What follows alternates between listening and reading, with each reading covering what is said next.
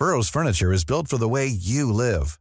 From ensuring easy assembly and disassembly to honoring highly requested new colors for their award-winning seating, they always have their customers in mind. Their modular seating is made out of durable materials to last and grow with you. And with Burrow, you always get fast, free shipping. Get up to 60% off during Burrow's Memorial Day sale at burrow.com slash ACAST. That's burrow.com slash ACAST. burrow.com slash ACAST. Everyone knows therapy is great for solving problems, but getting therapy has its own problems too, like finding the right therapist, fitting into their schedule, and of course, the cost. Well, BetterHelp can solve those problems. It's totally online and built around your schedule. It's surprisingly affordable too. Connect with a credentialed therapist by phone, video, or online chat, all from the comfort of your home. Visit betterhelp.com to learn more and save 10% on your first month. That's BetterHelp H E L P. Hey, it's Ryan Reynolds, and I'm here with Keith, co star of my upcoming film, If, only in theaters, May 17th. Do you want to tell people the big news? All right, I'll do it. Sign up now and you'll get unlimited for $15 a month in six months of Paramount Plus Essential Plan on us. Mintmobile.com slash switch. Upfront payment of $45 equivalent to $15 per month. Unlimited over 40 gigabytes per month. Face lower speeds. Videos at 480p. Active Mint customers by 531.24 get six months of Paramount Plus Essential Plan. Auto renews after six months. Offer ends May 31st, 2024. Separate Paramount Plus registration required. Terms and conditions apply if rated PG.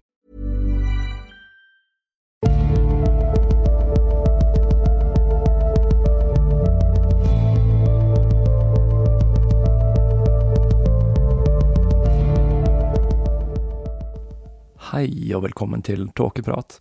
Jeg heter Even, og når jeg tar opp denne episode 89, så er det lørdag den 12. januar 2019.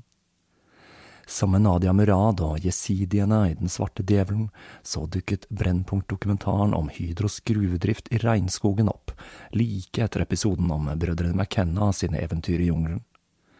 Jeg er litt usikker på når denne episoden ble publisert, men jeg ble i alle fall gjort oppmerksom på den via en artikkel på NRK sine nettsider den 8. januar. I tillegg så gjorde en lytter meg oppmerksom på at det ble begått et folkemord i nettopp La Chorera under gummiboomet. I episoden var jeg så vidt inne på hvordan plantasjeeierne brukte de innfødte som slaver i arbeidet med å bygge veien gjennom jungelen. Den riktige uttalen av stedet er altså La Chorera og ikke La Correra, som jeg kom til skade for å si. CH på spansk, det uttales jo ch og ikke k, som jeg gjorde. Noe jeg strengt talt burde ha fått med meg, da jeg har fått mye tyn for hvordan jeg tidligere uttalte chorizo, en uttale jeg ikke har tenkt til å dele med dere lyttere. Det at regnskog blir hugget og lokalbefolkningen må lide for utvinnelsen av ressurser, er ikke et nytt fenomen, enten det dreier seg om gummi, palmeolje eller bauksitt. Og det er jo en tankevekker at et land som Norge, som liker å fremstille seg som en motstander av rovdrift på regnskogen, er medeier i et firma som driver med dette, og gjør stor profitt på å utvinne mineraler i et sårbart område. Jeg stiller også store spørsmålstegn ved ting som miljøgevinsten av å fremstille biodiesel i disse områdene, for så å frakte den rundt halve jorda med tankskip, som jo er drevet av tungolje, for å kunne oppnå norske miljøstandarder for bioinnblanding på pumpene til norske forbrukere. Hvis vi hadde klart å se forbi kortsiktig profitt og sett på regnskogen som en global ressurs vi alle er tjent med å holde ved like, så hadde vi vært et godt stykke på vei til en global økologisk forståelse. Hvor mange uoppdagede arter, og ikke minst potensielle medisiner som finnes i regnskogen, vites ikke. Kunnskapen om den medisinske bruken av planter der går tapt etter hvert som urbefolkning, planter og dyr presses ut av områder de har levd i i generasjoner, for at utenlandske selskaper skal kunne utvinne den ressursen som er i vinden akkurat der og da. Jeg tenkte å referere til McKenna-brødrene en gang i denne episoden også. Denne gangen til Dennis, som er mest opptatt av bruken av ayahuasca og ikke psilocybin som sin bror. Jeg tror i hvert fall det var han som luftet ideen om at spredningen av ayahuasca til Vesten er en slags immunreaksjon fra regnskogen, eller kanskje Gaia eller moder jord, på menneskehetens rovdrift av planeten. Og det hadde kanskje ikke vært så dumt å sende Erna Solberg, sjefen for Hydro, og kanskje til og med den amerikanske presidenten, på en liten ayahuasca-retreat i den søramerikanske regnskogen. Jeg har på følelsen at det kunne gjort vei i vellinga. Men nå skal vi ikke til sør, men til Nord-Amerika. For at ufoen dukket opp i forrige episode, var ingen tilfeldighet. Jeg har nemlig ladet opp til litt ufo-materiale denne våren, og nå skal vi se nærmere på alle ufo-kulters mor, nemlig Heaven's Gate. I mars 1997 begikk 39 mennesker rituelt selvmord i en luksusvilla i Rancho Santa Fe i California. De var kledd i like Star Trek-lignende uniformer, hvite Nike-sko og bager, og alle hadde like patcher med teksten Heaven's Gate Away Team. De som deltok i dette rituelle selvmordet, hadde lagt ut filmer på nettet der de forklarte hvorfor de valgte denne endelige løsningen, og pressen fråtset i hva de avfeide som en bisarr ufo-selvmordskult, og fortalte historier om hvordan gruppens medlemmer levde i en merkelig science fiction-virkelighet, der underlige praksiser som frivillig kastrering var en del av livet i gruppen. Men det var ting som skilte denne gruppen fra andre kulter som endte sine dager med masse selvmord. Når Jim Jones sine følgere skulle ta sitt eget liv, så var det langt fra alle som fulgte ham frivillig inn i døden, til tross for at de hadde øvet på nettopp dette. Det samme gjelder nok også de aller fleste andre kulter av denne typen, som for eksempel Soltempelet, som jeg nok kommer til å kikke på før eller siden her i Tåkeprat. Det som var spesielt med Heaven's Gate, eller Himmelporten, er at de tok livet av seg i grupper, hvor den neste gruppen ryddet opp etter den andre, før de selv tok livet av seg, og dette fortsatte til alle var døde.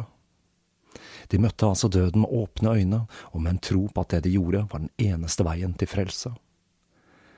Jeg har lenge hatt lyst til å se nærmere på Heaven's Gate, ikke minst fordi jeg selv er science fiction-fan og en trekkie, og syns symbol- og ordbruken til gruppen er fascinerende men også fordi det er noe som virker litt annerledes med akkurat denne gruppen. Gruppen ble startet av Marshall Herf Applewhite og Bonnie Lou Nettles i 1972. Dette var altså en langt fra ny religiøs gruppe da de begikk selvmord. Og historien om gruppen er utrolig rotete. De skiftet navn en rekke ganger. Store deler av tiden så brukte de navnet Human Individual Metamorphosis, men de omtalte seg også som Klassen, i tillegg til en rekke andre begreper. Gruppen mangler tidvis en skikkelig organisasjonsstruktur, og denne mangelen på struktur gjorde at den er tidvis svært vanskelig å definere, og historien er vrien å nøste opp i. Det jeg etter hvert begynte å lure på, er om denne gruppen i det hele tatt kan betegnes som en kult. For hva er egentlig en kult? Nå sitrer det sikkert i dere religionshistorikere, som jeg vet det fins en god del av blant dere lyttere, men pust rolig og senk skuldrene, sammen så skal vi nok klare dette. For meg så er en kult en bevegelse som er sentrert rundt en karismatisk leder. Men hva skjer når den lederen er død? Er syntologikirken en kult nå som Elron er død? Er kristendommen en Kristuskult, eller er antallet medlemmer og den sosiale aksepten det som definerer skillet mellom religion og kult? De aller fleste som var medlemmer av denne bevegelsen, forlot nemlig gruppen før selvmordet i 1997, og flere forlot gruppen for så å vende tilbake igjen. Det var altså en stor grad av frivillighet involvert, og teologien til gruppen skiller seg ikke stort ut fra andre religiøse bevegelser i samtiden, verken i innhold eller i kompleksitet. Men de to lederne for bevegelsen, og spesielt Applewhite, var i motsetning til Gerald Gardner veldig karismatiske. For å fortelle historien om Heaven's Gate, så forholder jeg meg til arbeidet til Benjamin E. Seller som hovedkilde. Han er en professor i religionshistorie som spesialiserer seg på nyreligiøsitet, og som gjorde feltarbeid nettopp med Heaven's Gate. Og han står bak boka Heaven's Gate, America's UFO Religion. Gjennom Sellers analyse av teologien til gruppen, så tror jeg at jeg har fått en litt dypere innsikt i hva som drev de til selvmord i 1997, og det er med en bismak i munnen at jeg innser at hva de forfektet, slettes ikke er så til de grader annerledes enn hva andre nyreligiøse eller New Age-grupper tror på. Og snakker om New Age. Dette begrepet er et som er også er ekstremt vanskelig å definere. Alle vet hva det er for noe, men ingen er det. Jeg har i hvert fall aldri støtt på noen som omtaler seg selv som New Age, til tross for at jeg har møtt på noen skikkelig skruer opp igjennom som definitivt faller i den kategorien. Også det er sagt, i denne serien så er det bare å ta på seg New Age-hatten, for her blir det lysvesener, ufoer, hemmelige mestere og til og med litt tantrisk sex. Det å finne den røde tråden i historien til denne gruppen, som gikk gjennom en ulike faser og som til stadighet skiftet medlemmer, er ikke så enkelt. Men jeg skal forsøke, og det hele startet med gruppens to grunnleggere, Marshall Herf Applewhite og Bonnie Lou Nettles.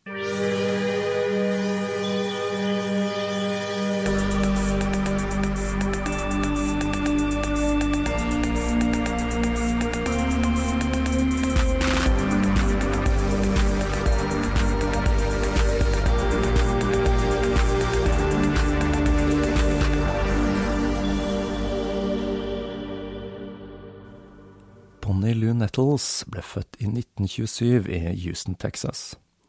Hun var en firebarnsmor og sykepleier, og levde i et skrantende ekteskap som skulle føre til en skilsmisse i 1972. Selv om hun var oppdratt som baptist, så festet ikke barnetroen seg. Hun hadde lenge vært fascinert av det okkulte, astrologi og ikke minst ufo-fenomenet.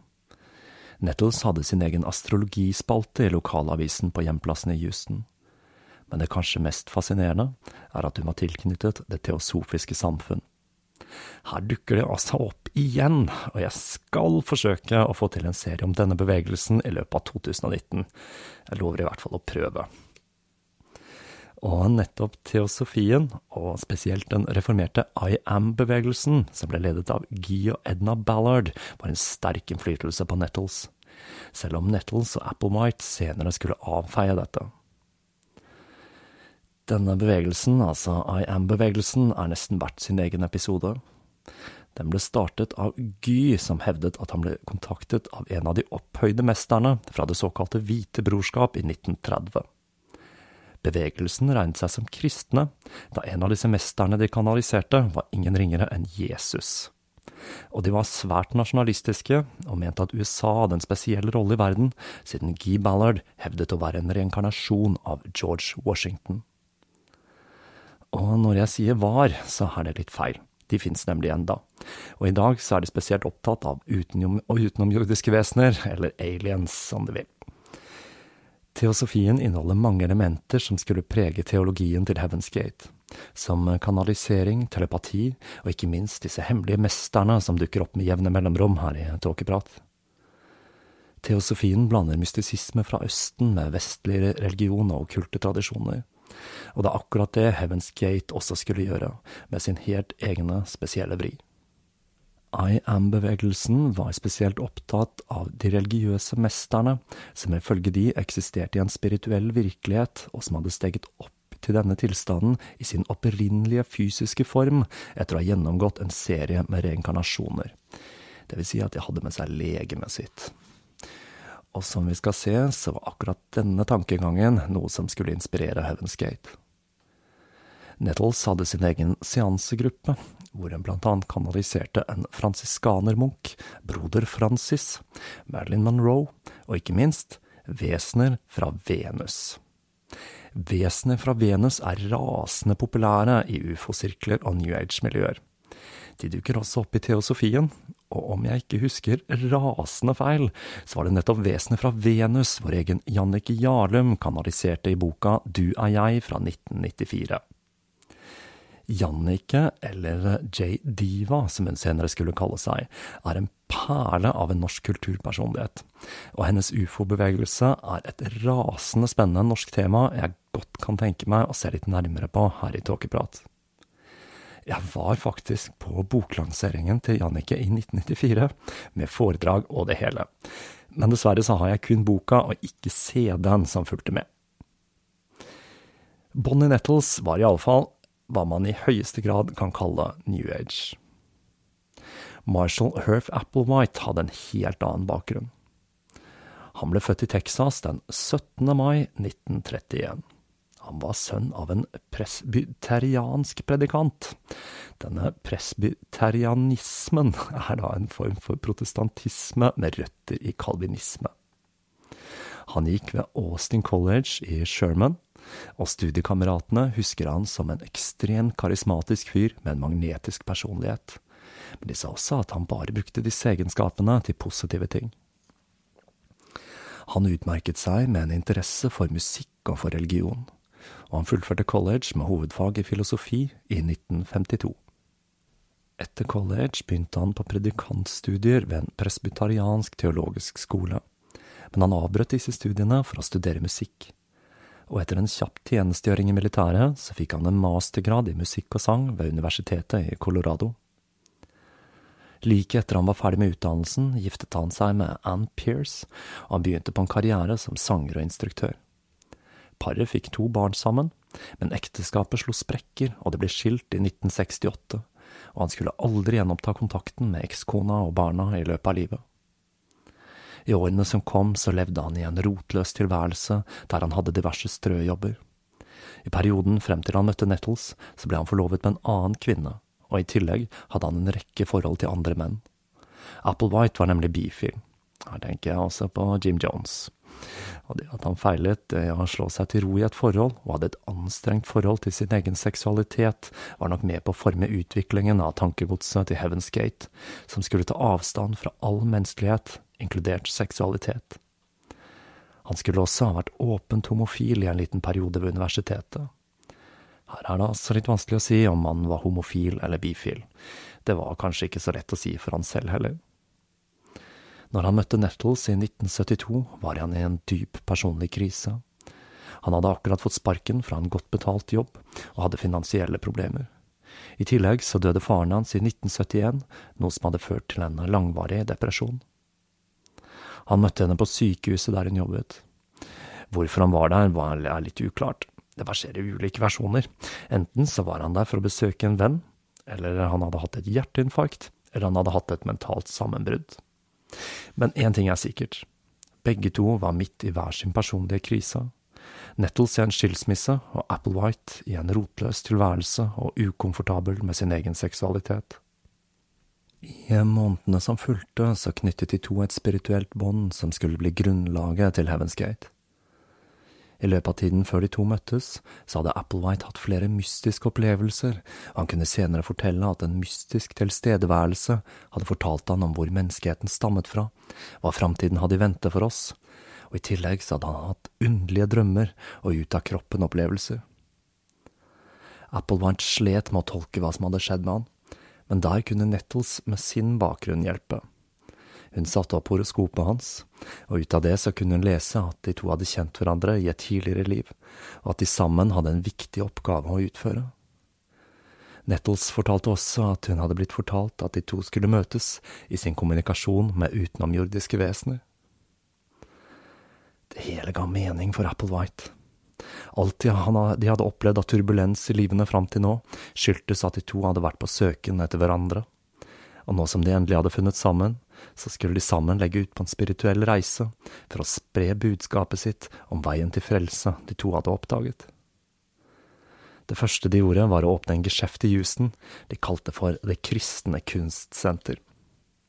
Til tross for navnet så var ikke denne sjappa så veldig kristen.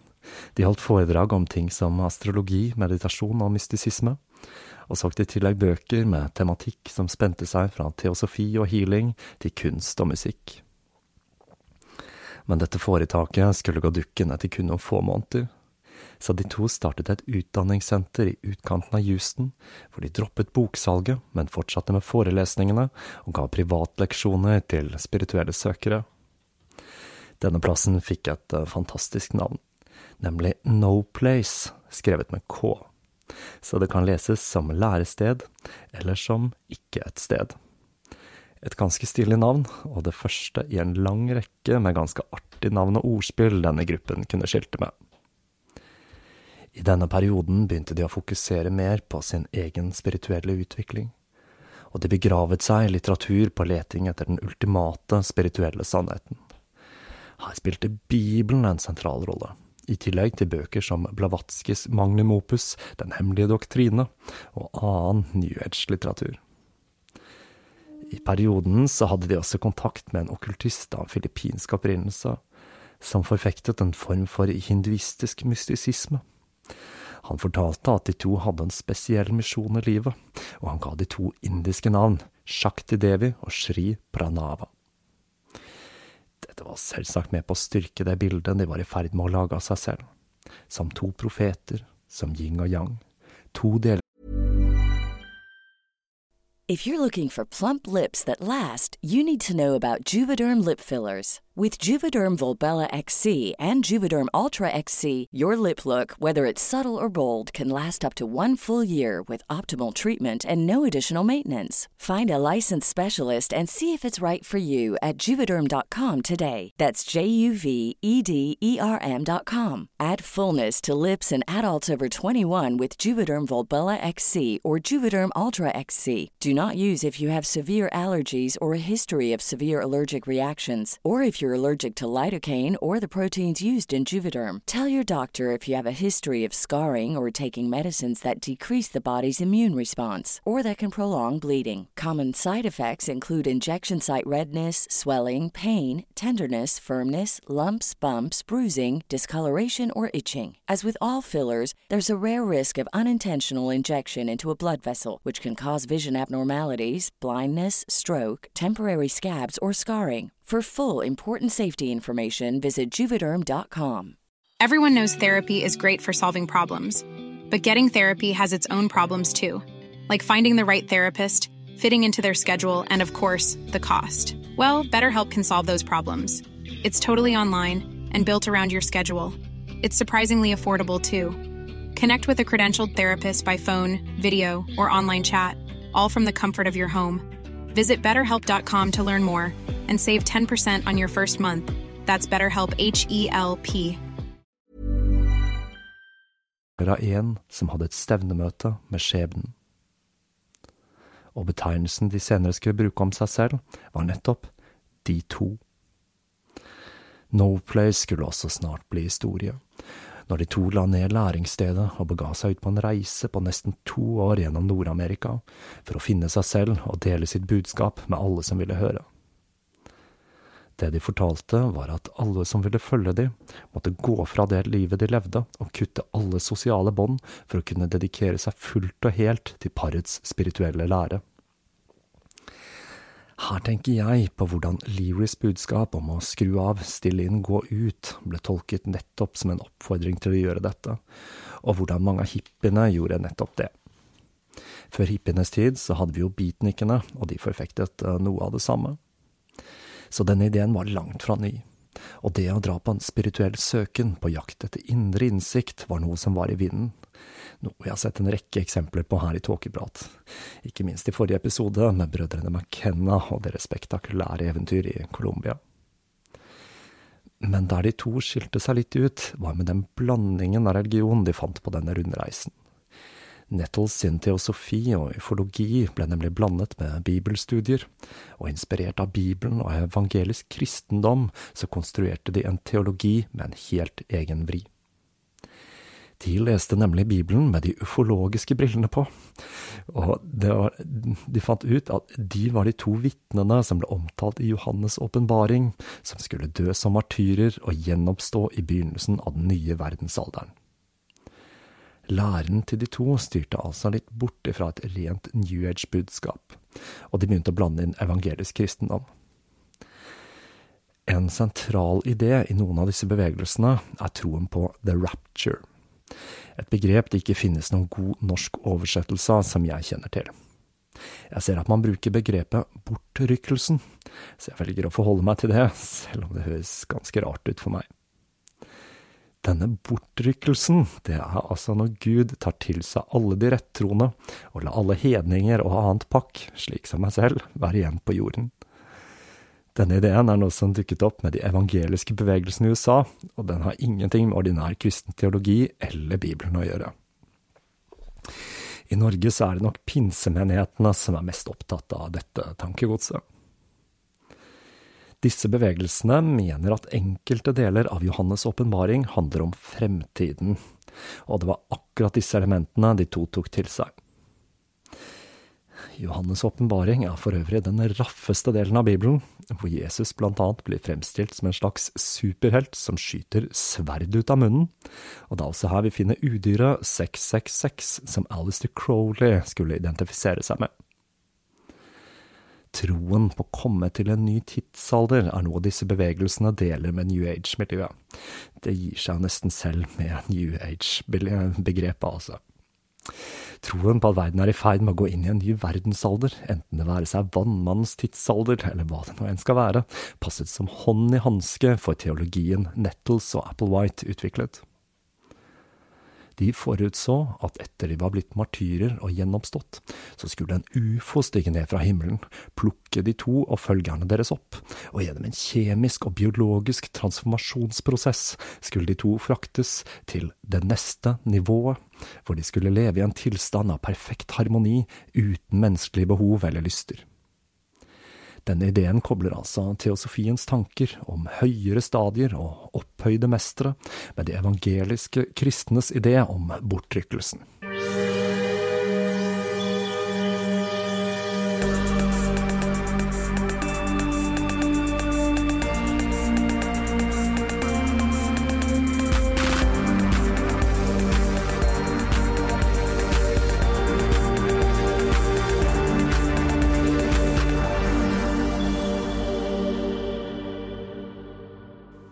Klart å sy sammen denne teologien sin, så dro de tilbake til Houston, hvor de konverterte en tidligere klient ved No Place, Sharon. Hun gjorde som de sa, og hun kuttet alle sosiale bånd og la igjen i gifteringen sin og en lapp som fortalte om hvorfor hun hadde forlatt familien, inkludert sin to år gamle datter.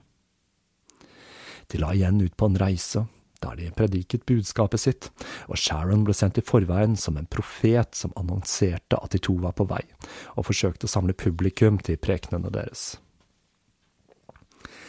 Men de slet med å konvertere nye tilhengere. De to ble beskrevet som veldig, veldig intense, men de virket oppriktige når de forsøkte å få flere mennesker til å forlate livet de levde, for å ta del i deres religiøse reise mot det neste nivået men kun etter fire måneder så ble Sharon plaget av dårlig samvittighet, og hun dro tilbake til familien sin. Dette skulle få konsekvenser, for mannen til Sharon anmeldte de to for kredittkortsvindel. Sharon hadde nemlig latt de bruke kredittkortet hennes når de var på sin rundreise i Statene, og selv om hun senere innrømte at dette var frivillig fra hennes side, så ble det bråk for da politiet arresterte de, så viste det seg at Applewhite var ettersøkt for å ha stjålet en leiebil, og han ble fengslet. Applewhite ble sittende i fengsel i seks måneder før saken hans kom opp, og i retten ble det avgjort at han med de seks månedene bak murene hadde sonet sin straff. Når han slapp ut, så fortsatte de to arbeidet sitt, og det skulle vise seg at disse seks månedene bak murene langt fra var bortkastet. For i fengselet så hadde nemlig Applewhite fått en åpenbaring. De to var ikke mennesker i det hele tatt, men utenomjordiske vesener som hadde besatt menneskekropper. Enda et konsept de delte med New Age-miljøet, den ideen om at utenomjordiske vesener, eller ånder, kan besette mennesker for å hjelpe menneskeheten. Sammen så skrev de to et manifest, der de fortalte at de var blitt sendt fra dette utenomjordiske riket for å gi menneskeheten mulighet til å overkomme sine begrensninger og utvikle seg til perfekte utenomjordiske skapninger. De fortalte også at Jesus hadde vært denne typen utenomjordisk vesen, og at de to skulle spille en tilsvarende rolle i nær framtid. Dette manifestet sendte de ut til diverse alternative individer og grupper, i håp om å få napp. Dette førte ikke til suksess, men det store gjennombruddet var like om hjørnet. Det kom i april 1975, da de to, som nå kalte seg for Guinea og Pig, igjen ganske morsomme navn, de holdt et foredrag for en alternativ spirituell gruppe ledet av en Clarence Clugg. Og denne gangen skulle de klare å utvide gruppen, som allerede hadde mistet sin første tilhenger, Sharon. Gruppen til Clugg var orientert rundt ideen om at medlemmene skulle gjennomgå en transformasjon til lysvesener, basert på hans tolkning av Johannes' åpenbaring. I tillegg så var gruppen svært opptatt av tantrisk sex, enda et fenomen som New Age-bevegelsen elsker. Tantra er et enormt felt, men slik det brukes i New Age-miljøer, så dreier dette seg i stor grad om å ha sex uten at mannen får utløsning. Om dere lyttere er nysgjerrige på New Age-bevegelsens tolkning av tantra, så kan jeg anbefale å søke på YouTube-klipp fra Ecstatic Hearts Tantra. Det var altså Ecstatic Hearts Tantra, for en skikkelig grell introduksjon til New Age Tantra. og som en liten illustrasjon på mennesketypen de to talte til i april 1975. Legg spesielt merke til blikket til de to fra denne gruppen i introduksjonsvideoen, hvor de forteller om hvordan de får orgasme av å klemme. Det som er interessant her, er at denne bevegelsen var opptatt av sex, eller hva man nå kan kalle det der. Noe Heaven's Gate skulle betraktes som noe menneskelig man måtte slutte med for å kunne komme til det neste nivået. Gruppen til Kløgg var inne i en turbulent fase, og når de to preket for gruppen, så virket budskapet deres forlokkende, og et tjuetalls personer fra forsamlingen bestemte seg for å bryte alle sosiale bånd og følge de to på ferden mot det neste nivået. Denne nye gruppen ble instruert til å møte de to på en campingplass på Gold Beach i Oregon den 5. mai, og med det hadde hva som startet som to predikanter på en spirituell reise, blitt til grunnleggerne av en religiøs bevegelse. Og nå begynte ballen å rulle. I oktober arrangerte de en samling med mer enn 250 mennesker i Oregon, og det at rundt 30 mennesker valgte å forlate livene sine for å bli med i bevegelsen, førte til en artikkel i New York Times om fenomenet. Det de forfektet på denne samlingen, var at alle de som ble med, måtte gi opp alt de eide og kutte alle sosiale bånd, inkludert til ektefeller. Men det var mer.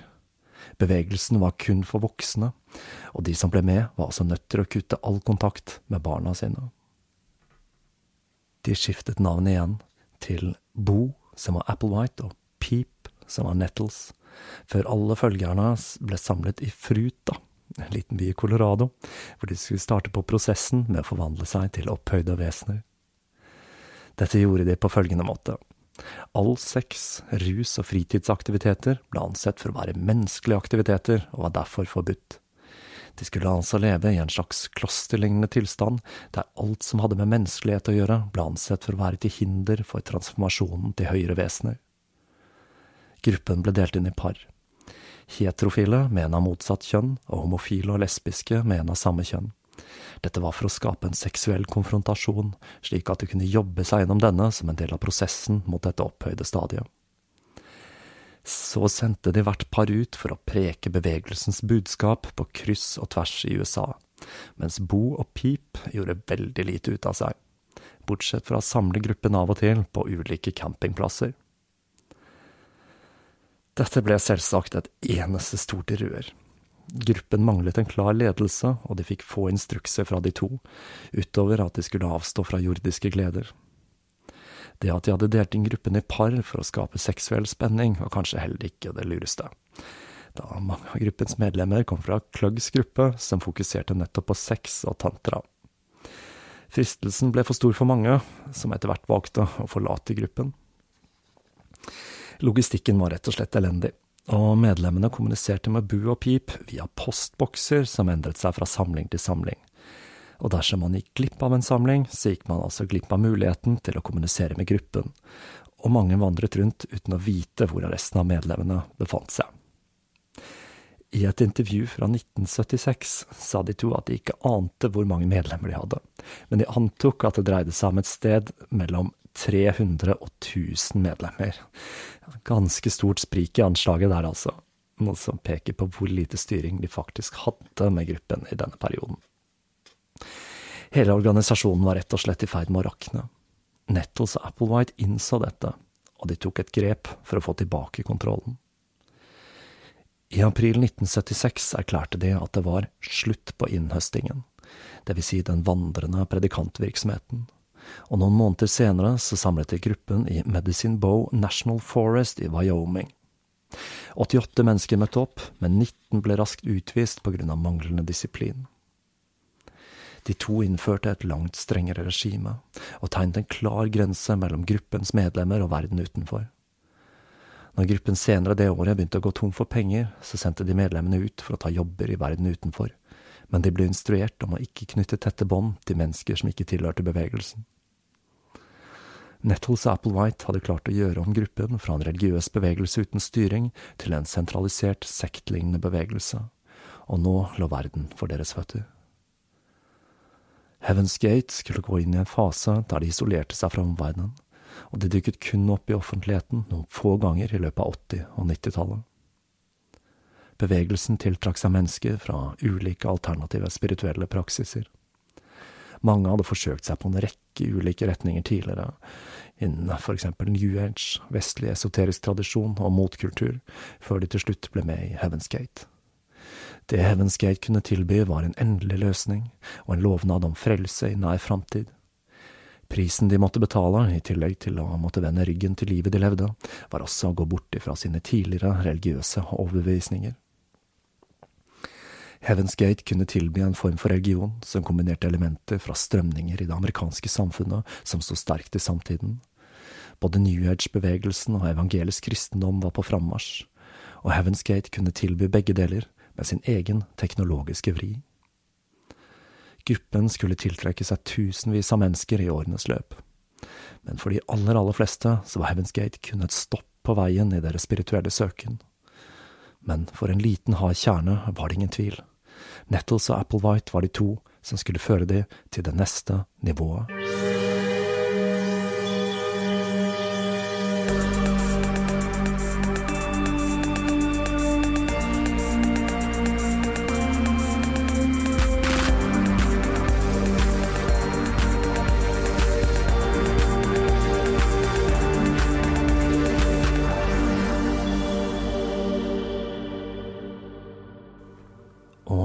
Setter vi punktum for den første delen av historien om Heaven's Gate.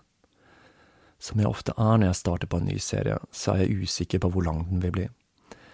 Heaven's Gate sin historie er veldig rotete, og etter hendelsen i denne episoden og fundamentet ble lagt, så holdt de seg i stor grad for seg selv før bevegelsen gikk inn i den fasen som ledet opp mot selvmordet.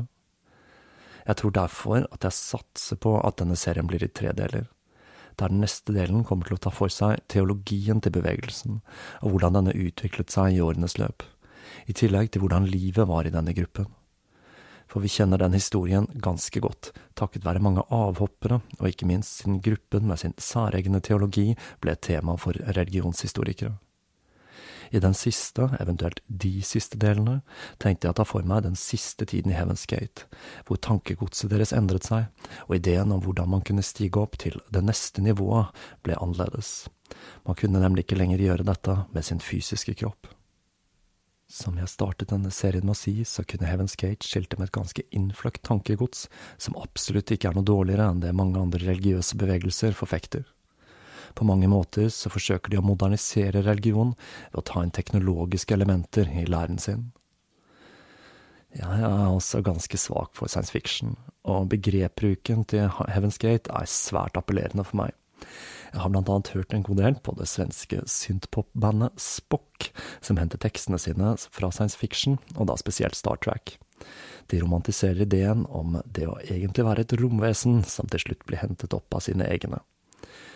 Her må jeg vel bare komme med noen strofer fra låta Back on Mars.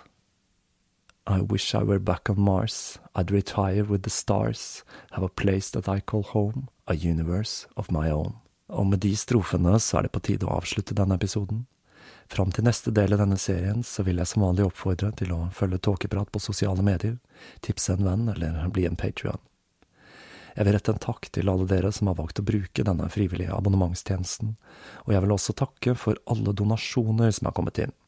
Det er nemlig også en mulighet på hjemmesiden, og jeg har litt lett for å glemme denne lille, uanselige donasjonsknappen. Men de av dere som har donert, er ikke glemt. Alle bidrag kommer godt med til driften av Tåkeprat, og dere er med på å gjøre denne podkasten mulig. Da vil jeg oppfordre dere til å tenke på hvordan det hadde vært om en ufo faktisk hadde kommet, og en liten gruppe med raringer i hjemmelagde uniformer var de som hadde blitt utvalgt til en opphøyd tilværelse i en annen dimensjon. Det er tross alt ikke så mye rarere enn læren til mange av de store religionene vi aksepterer uten å blunke. På gjenhør.